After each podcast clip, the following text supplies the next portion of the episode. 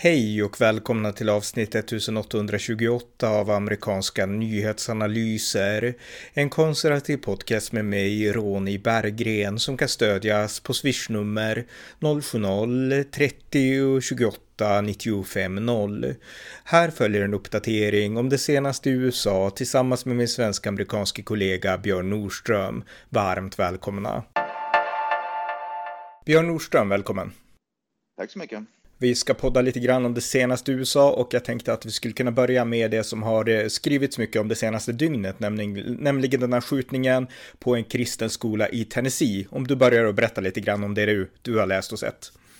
Ja, det var en före detta student som faktiskt pluggade på den skolan som är en transgender och som även då visar sig ha stora mentala, eh, emotion, emotionella, mentala problem, hälsoproblem som gick in med ett antal vapen och började skjuta vilt omkring sig. Det finns till och med videos när personen då sköt sönder dörren på ut, från utsidan för att ta sig in och sen mejade ner vad jag förstår tre stycken nioåriga elever blev ihjälskjutna och tre stycken vuxna blev ihjälskjutna innan polisen lyckades komma in och skjuta. Det tog bara några minuter, sen kom polisen in och sköt ihjäl personen i fråga. Mm. Och det finns en jättehäftig video när polisen, polisen de har filmat med sina egna bodycams när de yeah. stormar skolan, går in och eh, säkrar byggnaden i den, mån de kan. Sen så stöter de på den här skolskjutaren och eh, skjuter ihjäl henne på plats. Och det där var en, det var en häftig video att se. Och de här poliserna, de var ju hjältar som verkligen gjorde det här. För man märkte i videon också att en polis, han som gick framför kameran, han var lite rädd. Så den här bakom fick klappa honom på axeln och säga att ja, men, gå vidare, vi, vi, liksom, vi täcker det och sådär.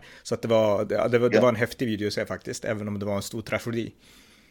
Ja, det är bokstavligen som att titta på en riktig actionfilm på tv, alltså, eller på, på, i, i bion helt enkelt. Det, det, är helt otroligt att det här sker i verkligheten. Och det är nu väldigt många saker som har framkommit efter det där som, som visar hur splittrat USA är och hur liksom galna och radikala vissa grupper och vissa personer är. Att det här, det här bakomliggande hatet mot kristna är verklig, en verklighet som, som börjar växa, som man verkligen ser nu i USA och det, det, det syns, det, det, märker man öppet nu. Mm, för det är intressant, därför att det har ju uppstått en debatt i USA, liberal media eller liberala politiker också, de menar att det här beror, det klassiska felet, det beror på att det finns för mycket vapen, att vi inte har begränsad tillgång till vapen, för den här kvinnan hade eh, sju, eh, det var ju alltså en, i grund och botten ja. en biologisk kvinna som sen hade bytt pronomen till manligt och hon klädde sig väldigt manligt ja. och så också. Ja. Audrey Haley hon, gärningspersonen då. Men hur som helst, hon hade vapen lagligt och liberaler har gjort det här till en vapenfråga, såklart att nu måste vi begränsa vapen och så vidare. Men jag är helt inne på ditt spår. Det här handlade om hat mot kristna. Den här skolan var ju en kristen skola och eh, ja. de lärde förmodligen ut det här klassiska, alltså liksom äktenskap, man, kvinna, liksom ja. heterosexualitet, klassiska kristna idéer liksom. Så att förmodligen hatade hon skolan på grund av det. Hon har skrivit ett manifest också som polisen ja. inte har offentliggjort än. Men det som har haft mig intresserad av det här, för vi pratar mycket om transgenders, det är den här journalisten då från Kalifornien, Andy New, som vi har pratat om tidigare. Han har ju liksom uncoverat väldigt mycket som har med Antifa och liknande att göra och han har twittrat hur mycket som helst om delar av, alltså inte om alla transgenders såklart, alltså det finns jättefina transgenders, bara för att säga det tydligt, men den här militanta grenen av transgendersrörelsen ja. som förespråkar att transgenders ska skaffa vapen, att de ska liksom vara ja. beredda att försvara sig och som nästan skapar den här konspiratoriska bubblan över att vem som helst kan skjuta er för alla hatar transgenders. Alltså det blir nästan ett liksom paranoid tänkande som, som de tutas in i och det triggar sen våldshandlingar från deras sida. Alltså han har belagt det väldigt liksom ingående och eh, jag tycker att det är jätteintressant. Så jag menar, den aspekten kan man inte blunda inför, tycker jag. Ja, det finns tre stora aspekter som jag tänkte ta upp. Nummer ett, det är den, en, en, de akt, det finns en transgendergrupp, minns inte vad den heter i alla fall, som är väldigt radikal i alla fall här i USA. Och de har nu bokstavligen målat upp den här då, uh, gärningspersonen då, som en martyr.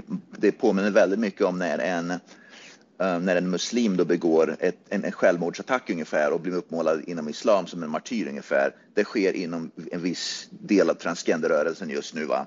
Och det visar hur radikalt, hur extremt farlig den gruppen är. Nummer två, vänsterliberal media som jag gick ut och, jag gick ut och läste CNN, MSNBC och så vidare. Och så vidare dagen efter det här dådet. De hade väldigt svårt att hantera det här. De mörklade väldigt mycket information. De bara pratade om att det här är ett vapenproblem. De nämnde inte att det är en transgender. De nämnde inte ens att det kan vara ett hatbrott mot kristna, utan det här var bara en, en, en, en, en galning som bara slumpmässigt råkar välja ut en kristen skola. Va? Men sen så finns ju då media som då New York Post och, och Fox News och så vidare, mer konservativ media som la ut mer information som framkom där de helt enkelt pratar om, där, där det, det helt enkelt visar sig då att det här är en person som hade emotionella, mentala problem under en lång tid. Personen gick på den där kristna skolan och ville hämnas. Dessutom så var det tydligen en god vän till den här Audrey gärningspersonen då som hade dött alldeles nyligen som hon var förbaskad. Hon var in, hon, det var hennes bästa vän hade dött nyligen och hon var förbaskad på det också. Så hon, var, hon, var, hon var arg och ville hämnas på världen och hon tyckte att kristen skola med små barn i det var det bästa sättet att hämnas, för, för liksom ta hämnd på världen ungefär för, att, för situationen försatt, som, som hon satt i. Och den tredje grejen är också jag tänkte ta upp. Eh, här i Arizona så um, Katie Hobbs, hennes pressekreterare, då, hon är demokratisk guvernör, hennes pressekreterare då, gick omedelbart ut och la ut ett tweet där hon hyllade den här gärningen. Men tack och lov så gick det inte många minuter innan hon, personen, då pressekreteraren för Katie Hobbs, för, för guvernören här i Arizona, hon, hon blev uppmuntrad att säga upp sig så hon sa upp sig omedelbart och Katie Hobbs då som är guvernör i Arizona gick omedelbart ut och sa att det här var helt oacceptabelt. Mm. Men det visar att det finns en grupp människor här i USA som är väldigt, väldigt farliga, som bokstavligen uppmanar och hyllar och omfamnar tanken på att transgender ska börja skjuta ihjäl framförallt kristna. Och det här är intressant också, för det här skulle, jag kan lova dig att det här all det här hatet mot, som, som då sker mot just kristna kommer aldrig att ske mot muslimer i USA, även om då muslimer och islam är ännu mer, vad ska man säga, vi vet ju att de är inte direkt vänliga mot transgender heller, utan det här handlar enbart om att gå efter kristna, inte mot grupper eller religioner som då är emot transgenders, utan det här är enbart för att gå efter kristna. Mm, jag håller helt med. Och den här uh, pressekreteraren till din guvernör, då, Kitty Hobbs, hon heter uh, Jocelyn Berry, heter hon, eller heter hon. Och, och, hon la ut en bild från en gammal film där ja. en kvinna håller i en ja. pistol och så skrev hon då, hon personligen skrev då, ja. us when we see transophobes. Alltså hon menade att när transofober kommer så ska vi dra pistol. Så jag menar, det var ju totalt olämpligt i det här sammanhanget sammanhanget på alla sätt. Ja, alltså det är ju, så att det var jättebra att, att ändå liksom Katie Hobbs gav henne sparken trots att hon är guvernör. Så, eller demokrat trots att hon är demokrat. Så att det, det, var, det var ändå bra. Men jag tänkte också säga, jag menar, det här visar, för jag menar, nu följer man media och de vill få det till att handla om vapenfrågan. Yeah. Det är bara vapenfrågan det handlar om. Så fort det är en skjutning från, alltså någon extremist som kanske kan kopplas till Republikanerna, då är det en diskussion om ideologi, precis det du var inne på yeah. liksom. Så att, men yeah. den diskussionen vill man inte ha nu, utan nu är det bara vapenfrågan. Men alltså jag tycker man ska kolla på det här bredare, oavsett vilken skjutning man tittar på, om det handlar om liksom eh, islamistiska extremister, nu den här transgenderpersonen och återigen, det finns liksom även en rörelse inom transgenderrörelsen som är militant. Det är viktigt att förstå det, ändå nog belyser det verkligen. Och, eh, men även om det handlar om liksom högerextremister eller vilka det är, så är det alltid sådana här marginaliserade grupper. Alltså majoriteten, den här breda majoriteten vapenägare i USA, det är, eh, de lever i kärnfamiljer, de är jägare, ja. de är kanske med i militären, de kanske har vapen som intresse. Och det är aldrig de grupperna som går ut och gör de här skjutningarna, utan det är alltid grupper som är liksom på sidan om mainstream. Det är de som gör det här. Och samtidigt så debatten, det handlar om att vi ska frånta medelklassen och de här vanliga vettiga vapenägarna, det är de som ska fråntas vapnen. Fast det är aldrig de, aldrig. Det är aldrig de som gör de här sakerna. Ja, jag såg det var någon som hade gjort, jag läste det för ett par dagar sedan bara, det var någon, någon som hade gjort någon undersökning, bara gått in och kollat på de här skolskjutningarna och allting under de senaste åren och, och, och, och la ut information att ingen av de här skolskjutningarna har skett av någon som är med i NRA. NRA är National Rifle Association, med andra ord vap legala vapenägare som är med i den här vapenklubben, då, nationella vapenklubben. Ingen av skolskjutningarna på åratal som de kunde hitta har är med i NRA helt enkelt. Med andra ord, det här är inga vanliga medel, som du säger, medelklassiga vapenägare då som är vad ska säga, vanliga människor, va? utan vi pratar om människor som har mentala problem, som är arga, som, som liksom har en ideologi bakom sig. Den här uh, personen då som sköt i Tennessee hade ju skrivit ett helt manifest nu som, NF, eh, som eh, FBI går igenom, som FBI då tänker släppa då så småningom naturligtvis. Men och så vidare och så vidare. Va? Och det återkommer ständigt till en och samma sak, mentala problem där ligger grunden. Det här har ingenting med vanliga vapenägare som är liksom vanliga i NRA med att göra, som, som är med i sportskytteklubbar och går ut och skjuter på en shooting range och så vidare. Va? Det, det är inte de som ligger bakom det här. Så Demokraterna och Vänsterliberalerna får alltid det här så himla brakfel. De går efter helt fel grupper och helt fel personer. Och det är därför aldrig det här, man kommer aldrig kunna göra någonting åt det här. Det här kommer aldrig kunna sluta och man ignorerar helt, framför allt då att det finns även då de här, eh, vad ska man säga, våldsamma extremistiska ideologierna på vänstersidan. De här ja, nu transgender, jag kan lova det. Det finns fler som är ute där i transgender som också har den här samma tankar nu och är beredda att dra vapen. Va? Men det kommer de aldrig att gå efter. De kommer att skydda det, de kommer att mörka det och det är därför aldrig det här kommer att göra någonting så. Därför att det, det, det vänsterliberal media och politiker, då framförallt Demokraterna, helt enkelt ignorerar det verkliga problemet.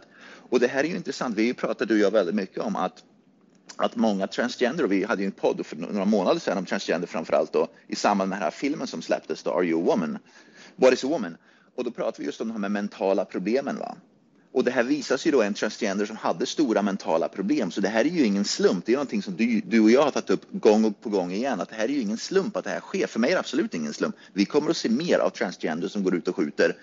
Och sen kommer det att visa sig att personen i fråga hade stora mentala problem som kan kopplas till vad ska man säga, sin könsidentitet som inte har någonting med vapen att göra utan helt enkelt ett, ett, ett inre mentalt problem de, de, de, de, går igenom helt enkelt. Va? Mm.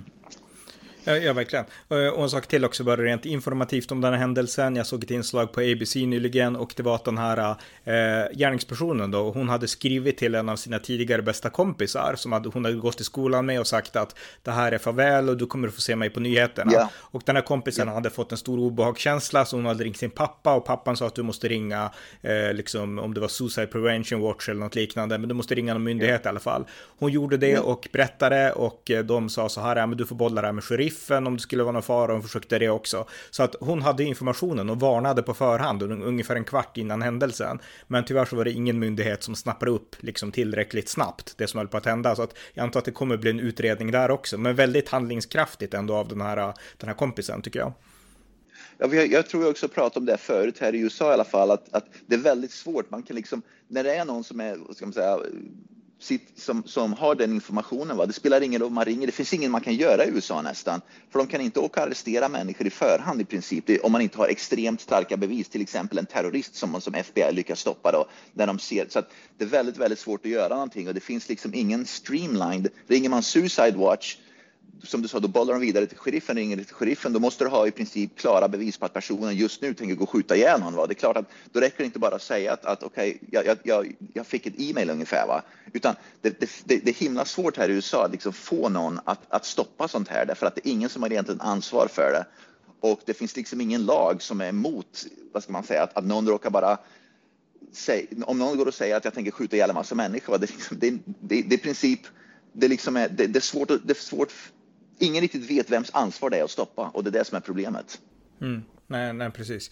Eh, ja, eh, nej, men det här ska bli intressant att följa med. Har ni mer att tillägga om just det här? Då? Nej, jag tror att det här är inte det sista vi kommer att se. Vi kommer att se fler sådana här dåd. Som jag sa, den här transgruppen, eh, radikal transgruppen har målat upp det här som en martyr. Och jag tror att det kommer tyvärr att, att, bli mer lite grann som vi ser om, om muslimsk och islamsk terrorism, att det här kommer att ske lite då och då. Mm. Um, därför att de kommer att etablera ungefär, det finns en, ungefär samma hatiska ideologi, bakomliggande ideologi, där man känner att vi, vi tar till vapen och vi bryr oss inte om längre. Konsekvenserna, det spelar ingen roll. Nej, och återigen, jag kan avsluta just den här sektionen med, alltså jag rekommenderar Andy New, han har skrivit en bok som heter, som jag har läst, inte riktigt hela, eller jag kommit till slutet, men jag har inte läst ut den än. Jag började läsa den för ganska många månader sedan. Den heter Unmasked, Inside Antifas Radical Plan to Destroy Democracy. Och den här boken skrev han 2020, men där handlar också om hur han ser att inom Antifa fast det väl, finns det väldigt många transgenders som använder Antifa ja. för att uttrycka liksom, eller för att kanalisera den inneboende ilskan. Och vi har sett jättemånga klipp på transgenders som blir helt rosenrasande rasande och man liksom felkönar dem som de säger och, eh, och så. Och eh, han, han beskriver att där kan man se även inom Antifa att det är väldigt många transgenders. Så att eh, följ Andy, Go Andy nu på Twitter tycker jag, ni, ni som är intresserade av det här. Men okej, okay, om vi går vidare, något mer? Ja, på tal om transgender, jag såg att friidrott, det globala världs, världsfriidrottsförbundet då, som, som har, ser över OS i friidrott och och VM i friidrott och så vidare va, har nu beslutat att, att, transgenders inte får delta, att biologiska män inte får delta i, i friidrott mot biologiska kvinnor och sådana saker kommer ju naturligtvis också då att göra de här transgenders jättearga förmodligen. Så att eh, även om rätt beslut togs så, så kommer nu transgendergruppen, de här framförallt radikala som då är beredda att ta till vapen nu, förmodligen att ses som ett ytterligare ett hot mot dem att nu måste vi börja skjuta ihjäl friidrottsförbundet ungefär va. Så vi kommer att se allt fler sådana där saker sker. När, när vettiga normala beslut tas för att skydda kvinnor så kommer transgenders då, tror jag, att se det där som ett hat mot transgenders. Inte, vad det, inte för vad det är egentligen, därför att skydda kvinnor, utan för att det är utan för att det går emot transgender. Jag såg att Martina Navratilova, en före detta känd kvinnlig tennisspelare, hon gick ut och sa att hon tyckte det var jättebra att, att Friidrottsförbundet gick ut nu och sa att, att biologiska män inte får tävla mot biologiska kvinnor. Och, och, och Martina Navratilova sa precis det som du och jag har sagt länge. de borde skaffa en tredje grupp, en för män, en för kvinnor och en för transgenders. Va? Mm. Men, jag, men jag tvivlar på att de här radikala transgendergrupperna kommer att se det som en positiv utveckling. Att oh, nu, nu kan vi fixa vår egen eh, vår egen vad ska man säga, grupp där transgenders tävlar, utan de kommer att se det här är ett direkt hot mot transgenders och nu måste vi gå ut och ta vapen mot det också. Mm. Nej, nej, men just, det är just det här, oavsett om vissa gör det militant eller inte, men det finns ju en enorm aggressivitet. Alltså man måste helt skriva oh, ja. under på deras syn på, dels deras syn på dem själva, men också liksom att deras syn är det rätta, för annars är man helt fel ute. Om man tror på traditionella kristna värderingar, då är man intolerant och liknande, men i praktiken är det ju inte så, utan i praktiken så är det oftast kristna konservativa som är toleranta mot andra, men man vill ha Absolut. samma tolerans tillbaka, men man får inte det. Så att jag menar, det är ju så man kan se om någon är äkta tolerant eller inte, alltså om den respekterar någon som har motsatta åsikter än en själv och inte bara liksom smeker medhårs liksom. Det är så man liksom är tolerant på riktigt och, eh, och sådär. Men, men det missar de här grupperna totalt, utan de vill helt, helt och hållet streamlina, alla ska tycka lite likadant och alla ska liksom bekräfta dem i det de är och det de tycker och bekräftar man dem inte så är man emot dem ungefär. Så att eh, någonstans måste vi dra gränsen här, jag menar både i USA och Sverige och eh, stå upp tydligt för de här klassiska svenska och amerikanska värderingarna tycker jag, utan att vara intolerant men likväl tydlig vad som är liksom mainstream-samhällets grundläggande syn. Alltså det finns en värdegrund, det är inte värderelativism, utan våra samhällen bygger på en värdegrund. Eh, I både USA och Sverige så är den i grund och botten kristen. Och eh, alltså sådana saker gör, tycker jag, att man måste prata mer om, om den biten också, vilket vi inte har gjort de senaste årtiondena. Men det är det som verkligen behövs, anser jag. Jo, precis. Och de här transgenders, de accepterar ju inte då att man får ha en, en att man att man tycker och får ha en, en åsikt att, att äktenskap till exempel är mellan män och kvinnor och, och de accepterar inte heller att, att vissa människor och grupper det helt, att, tycker att det finns bara två kön, män och kvinnor. De försöker påtvinga deras tro på, på andra människor och det är det som är så himla farligt också. De accepterar inte att okej, okay, människor, vissa människor tycker att det finns bara män och kvinnor. Det är allt och jag får acceptera att bara, det, är deras, det är så de tycker, men så är det bara. Mm. Så är, fungerar ett fritt samhälle, att människor får tycka och tänka vad de vill. Va? Men tyvärr, vänstern och transgenders i det här fallet accepterar inte att människor tycker det. De har noll respekt för yttrandefriheten, de har noll respekt för åsikts och tankefriheten och det är det som är så farligt. Ja, det är farligt. De vill, ja. de, vill göra de vill göra om samhället till ett totalitärt samhälle. Alla måste tycka precis som dem, mm. annars måste de bort. Eh, det är det som gör dem farliga, men det är också det som gör dem totalt ointressanta, för det finns inget intellektuellt intressant. Det är liksom inte det intellektuellt intressanta i den demokratiska debatten eller hur man bygger samhället framåt, utan det är liksom som att backa den intellektuella klockan och det gör dem också ointressanta. Så att jag menar, det är också en aspekt till det hela. Men okej, okay, ja. vi går vidare, nästa sak. Ja, jag såg att nya opinionsundersökningar har kommit ut som visar att Donald Trump efter det här, eh, det som skedde i Tennessee, så har Trumps aktier gått upp vad gäller den eh, eh, presidentkandidaturen då för Republikanerna, att han har gått ifrån Ron DeSantis och andra personer. Så det verkar som att ju mer radikalt vänstern blir, desto mer stöd får Donald Trump helt enkelt här i USA. Det här är inte, jag såg en annan undersökning också som visar att när det gäller enskilda ämnen som ekonomi, som gäller liksom enskilda ämnen, så leder Ron DeSantis över Donald Trump i princip i alla enskilda ämnen när de går head to head i de här undersökningarna. Men när det kommer till vem ska du rösta på som president, då är det Donald Trump. Så mm. många tycker att, majoriteten tycker att Ron DeSantis är bättre på ekonomi, Ron DeSantis är bättre på att förena människor Ron DeSantis och så vidare. och så vidare. Va? Vem ska du rösta på i, president, i, i primärvalet? Donald Trump. Mm. Ja, eh, hans aktie stiger onekligen så vi får se vad som händer. Men jag såg ett, han höll ju ett rally om det var i lördags eller om det var för en vecka sedan, jag minns inte exakt, jag såg inte hela, jag såg bara några klipp. Men han eh, uttalade sig då kritiskt mot Ron DeSantis igen och sa liksom några nedvärderande saker. Och ja. publiken som jublade jämt när han ja. pratade, de var helt de tysta då. Så att man, ja. man insåg att de ville inte att han skulle kritisera DeSantis.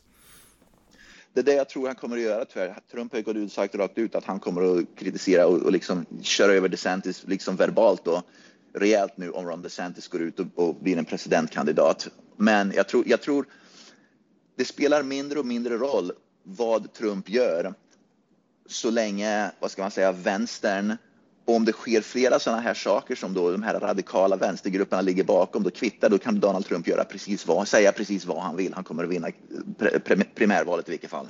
Mm, mm. Därför att han ses förmodligen som den enda kandidaten som kan liksom stångas med de här radikala vänstergrupperna. Människor säger att han är enda, vad ska man säga, den enda lösningen på de, på de radikala grupperna. Ja, jo, jo så är det nog.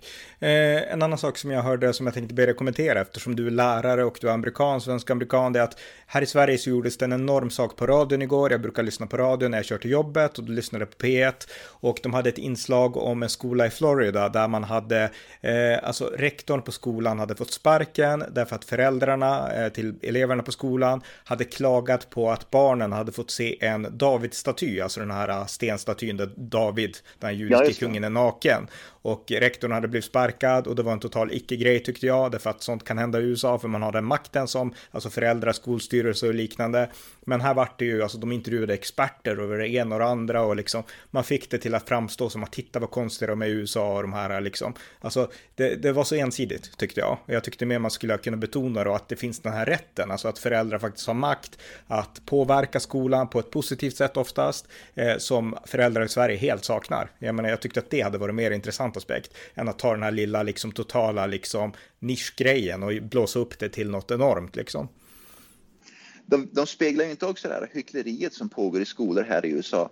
Normalt då som lärare, jag vet ju att vissa skolor, många skolor, många lärare gör det. Om man, ska, om man, tar, om man om man drar ut en grupp elever och ska på till exempel en field trip, då, vad heter det, skolor, studieresa till exempel då. Om det är någonting som kan vara nummer ett, då skickar man ju ett brev till föräldrarna. Så de måste, föräldrarna här i USA måste då, jag, jag själv gör det då, då, måste skriva på ett brev att eleven får åka och titta på det. Men om det är någonting som kan visa sig vara kontroversiellt, då, kom, då lägger man också in det i brevet. Det här bla bla bla kan visa sig vara lite kontroversiellt. Så man ger information om, om vad som kan vara kontroversiellt. Sen är det upp till föräldrarna om de, om, om de skriver på brevet eller inte, om de tillåter barnet att följa med eller inte. Va? Så om det har gjorts eller inte, det vet jag inte. Jag tvivlar på det, för att om det har gjorts, då hade det inte varit ett problem. Men nummer två, det här är ju också många, det här är liksom bara en staty va? Men när det gäller andra saker till exempel som, till, som sker i då många av de här vänsterliberala delstaterna när det kommer in då eh, när man indoktrinerar elever i, i vänsterradikala idéer, i transgenders, man, liksom, man pratar pedofili med eleverna och så vidare och så vidare i skolorna. Det tas inte upp någonting i svensk media att den, det som verkligen, verkligen är ett direkt hot och en fara för eleverna då som vänsterradikaler håller på med i klassrummen, det, det nämns ju aldrig någonting om och det verkar inte vara no, överhuvudtaget kontroversiellt. Nej. på samma sätt. Nej, jag skulle gissa att de här journalisterna, de bryr sig inte om de frågorna, eller så har de inte själva blivit utsatta för samma sak. För jag såg en intervju med en kvinna i Florida, en mamma som hade en 13-årig dotter som hade börjat uppleva alltså, att hon hade något annat kön och hon gjorde det i samband med att andra kompisar till henne upplevde samma sak. Hon hade kompisar som var väldigt engagerade i LGBTQ-communityt och de började känna att vi kanske ska byta kön och då började hon känna samma sak. Hon gav uttryck till det för sina föräldrar. De var förvånade och chockade först, men de gjorde ingen stor sak av det. Eh, och mamman arbetar även i skolan som någon sån här volontär eller vad det var. Hon var så här stay home mom som hjälper till i skolorna ibland oss också då. Och eh, på skolan då berättade den här 13-åriga flickan för sin studievägledare kanske eller någonting om, om det här. Och de började fråga henne, okej, okay, vilken toalett vill du gå till? Till liksom de manliga eller kvinnliga? Och, så, och sen så höll de föräldrarna helt ute från det här. Föräldrarna fick inte veta något, utan skolan skulle ja. Hemlighet bekräfta den här kvinnans nya, eller flickans nya identitet ja. som en pojke. Och föräldrarna ja. fick, vart helt utestängda från processen. Och mamma vart helt upprörd över det här för att hon, vi är föräldrar, skolan kände oss, de vet, visste vi var inga främlingar, vi arbetade på skolan och vi vart helt utestängda från vår egen, dotters liksom nya värld att säga och fick inget att säga till om. Och det här är ju bara steg ett, för först kommer den här liksom muntliga bekräftelsen och sen kommer den medicinska bekräftelsen, alltså att de ska operera sig och sådana saker. Så att, eh, jag menar, de aspekterna, men jag har svårt att tänka mig att en vänsterliberal förälder i Sverige skulle vilja vara med om samma sak. Så jag menar, vore det inte bättre att ta upp sådana aspekter istället för sådana konstiga saker som en Davidsstaty, liksom, tycker jag.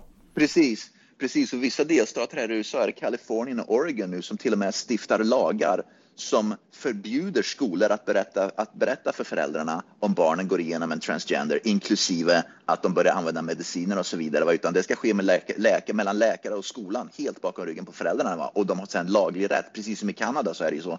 Då, får de, då, då har skolan och, och, och läkaren laglig rätt nu att gå bakom ryggen på föräldrarna och göra det helt i hemlighet. Och det finns inget föräldrarna kan göra juridiskt heller. Nej, och på tal om det då, det, det gör det extra intressant därför att Ron DeSantis, då, Floridas guvernör, han har ju stått upp för föräldrar, alltså deras rätt att få ja. veta och få inblick och liksom få bestämmande över barnens, eh, liksom, eh, ja, över barnens skolvärld så att säga.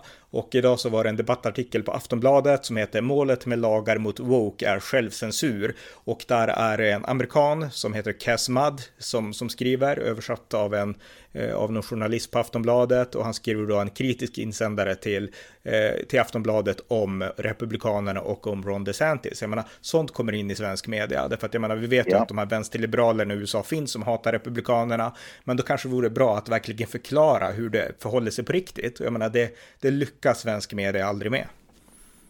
Jag tror inte att det är frågan om att ens lyckas med det. Jag tror att de vill inte ens göra det, för deras enda mål är att måla upp allting genom en viss narrativ. Och här är också ytterligare exempel. Jag kommer inte ihåg vad han heter. Jag tror det var delstat, antingen var det New York, Kalifornien eller Oregon, en av de där extremvänsterliberala delstaterna.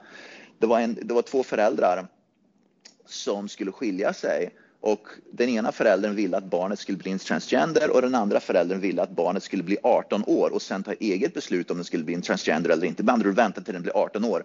Domstolen i den delstaten och den eh, gick in och beslutade att föräldern som var emot transgender förlorade alla rättigheter till barnet för föräldern sågs då som, en, som ett direkt hot mot mm. barnet i fråga genom att inte bekräfta att barnet är, ville bli en transgender utan ville att barnet skulle vänta. Och det visar hur galet det är att man tar ifrån rätt, alla rättigheter mm. till föräldrarna. Att barnet var tvungen att skyddas från den föräldern, för den föräldern som inte ville att det skulle hastas på för mycket utan skulle det vara, man skulle ligga lågt fram till barnet fyllde 18 och kunde ta ett beslut själv. Och den föräldern blev helt blev bortkastad av, av delstatens eh, domstolssystem. Ja, det är så absurt. Och den här kvinnan jag berättade om i Florida och som berättade om sin 13-åriga dotter, hon sa, hon påpekar också hur absurt allt var. Hon sa så här, alltså min dotter hon är 13, hon har inte rätt att dricka alkohol, hon har inte rätt att rösta, hon har inte rätt till Precis. något nästan. Men hon ska ha rätt att, trots att hon inte är liksom mentalt mogen till det, att fatta vilka beslut som helst över sin egen kropp. Liksom. Det, liksom, det ska hon ha rätt till, men hon får inte rösta, hon får inte dricka alkohol, men hon får skära bort sina bröst om hon vill. Liksom. Så jag menar, ja.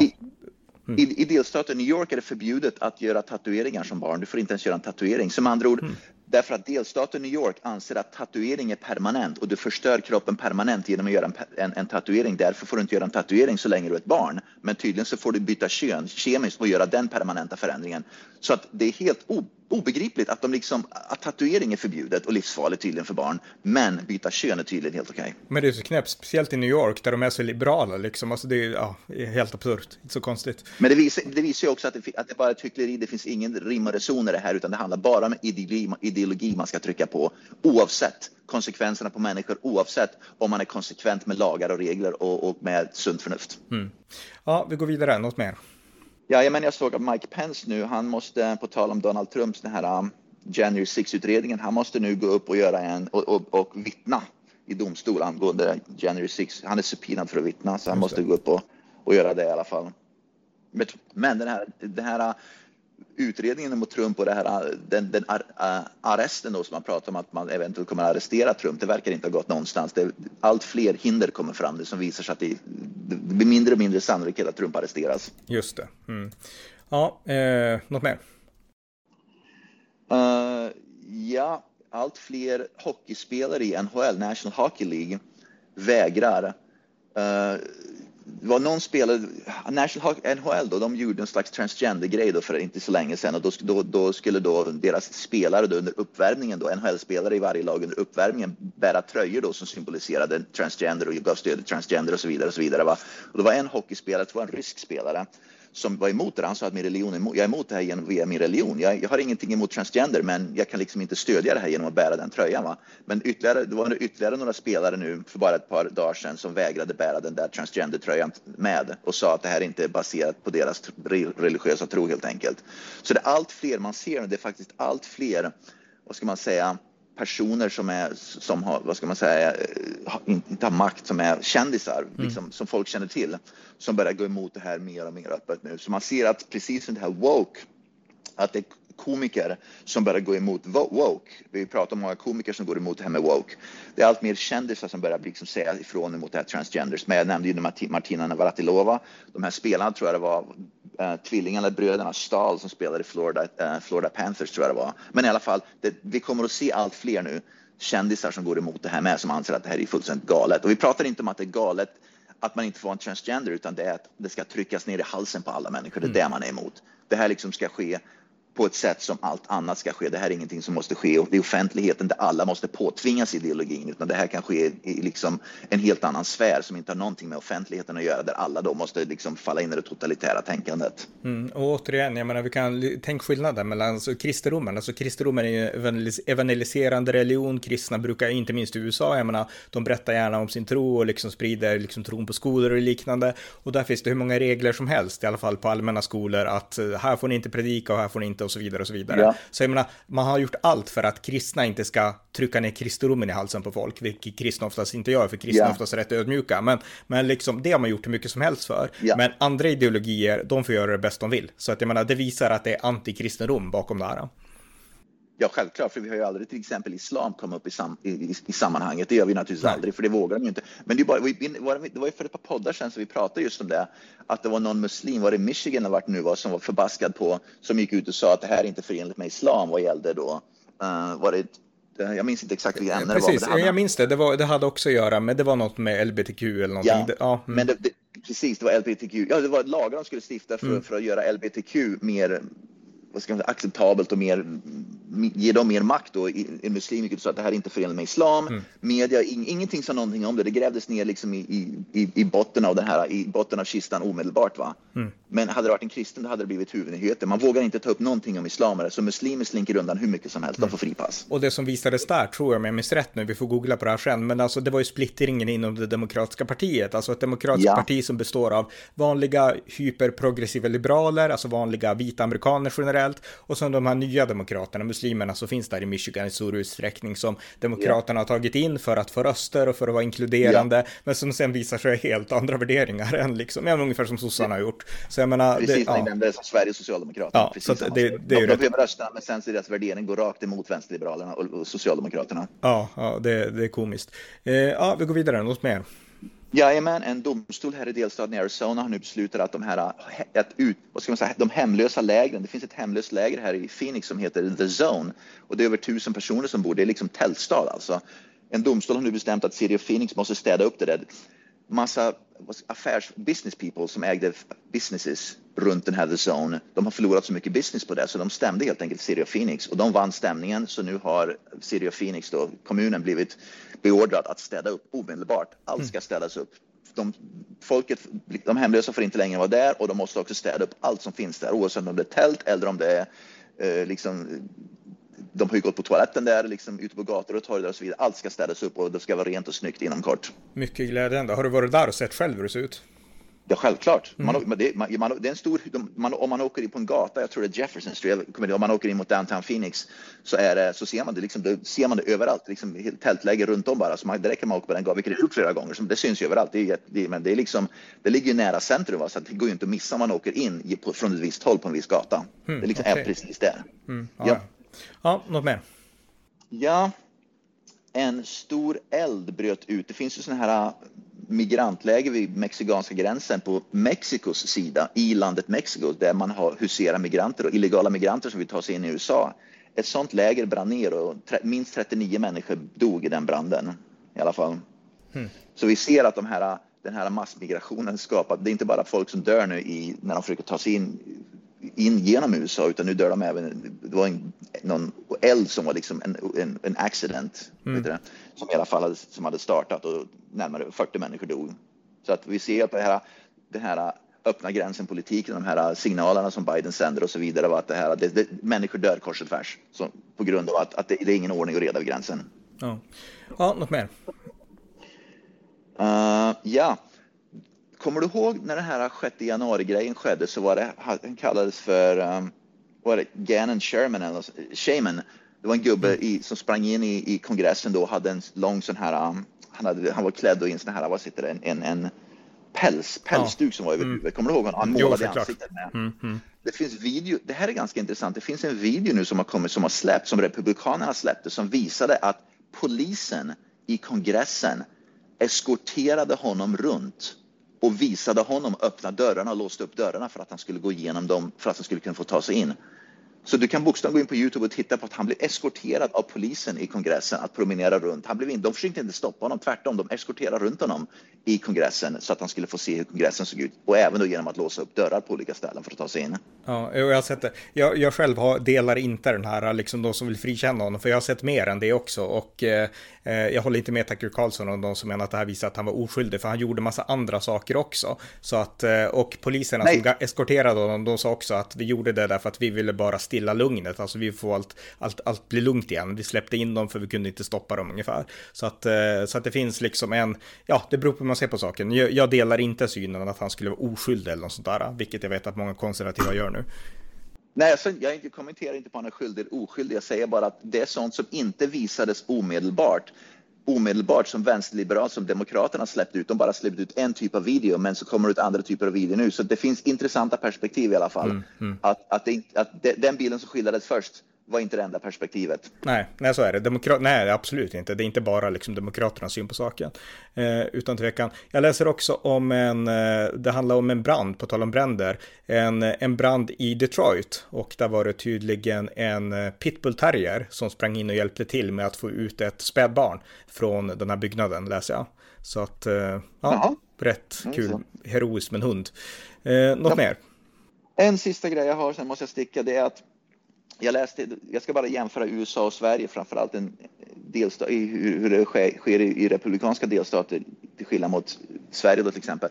Jag läste det i Sverige för inte så länge sedan. Det var någon person som eh, som försökte bryta sig in i en lägenhet någonstans. Jag minns inte exakt vart det var, men det var någon person som, i Sverige som försökte bryta sig in i en lägenhet på andra våningen. Personen blev ihjälslagen och nu den personen då som bodde i hemmet som slog ihjäl den här inbrott, in, inbrytaren då. Uh, han ska nu åtalas för mord. Va? Mm. Och jag såg alldeles nyligen, det var en person i delstaten Georgia som bröt sig in i ett hem. Personen som bodde i huset i delstaten i Georgia sköt ihjäl personen som bröt sig in. Han hyllas som hjälte och han kommer inte att åtalas därför att det var enbart självförsvar. Personen som bröt sig in, det var hans eget fel att han blev ihjälskjuten för han bröt sig in i ett hem. Och det är stor skillnad på USA och Sverige. Att här får man försvara sin egendom. Bryter man sig in i ett hem, då får man räkna med att bli ihjälskjuten och det är inget brott. Tvärtom, det är, det är ett självförsvar. Mm. Ja. Men i Sverige så blir man åtalad för det istället. Så är det. Så är det. Bra poäng. Okej, men tack så mycket. Yep. Tack så mycket. Tack för att ni har lyssnat på amerikanska nyhetsanalyser. En podcast som kan stödjas på swishnummer 070-30 28 95 0 eller via hemsidan på Paypal, Patreon eller bankkonto. Skänk också gärna en donation till valfri Ukraina-insamling. Allt gott tills nästa gång. Música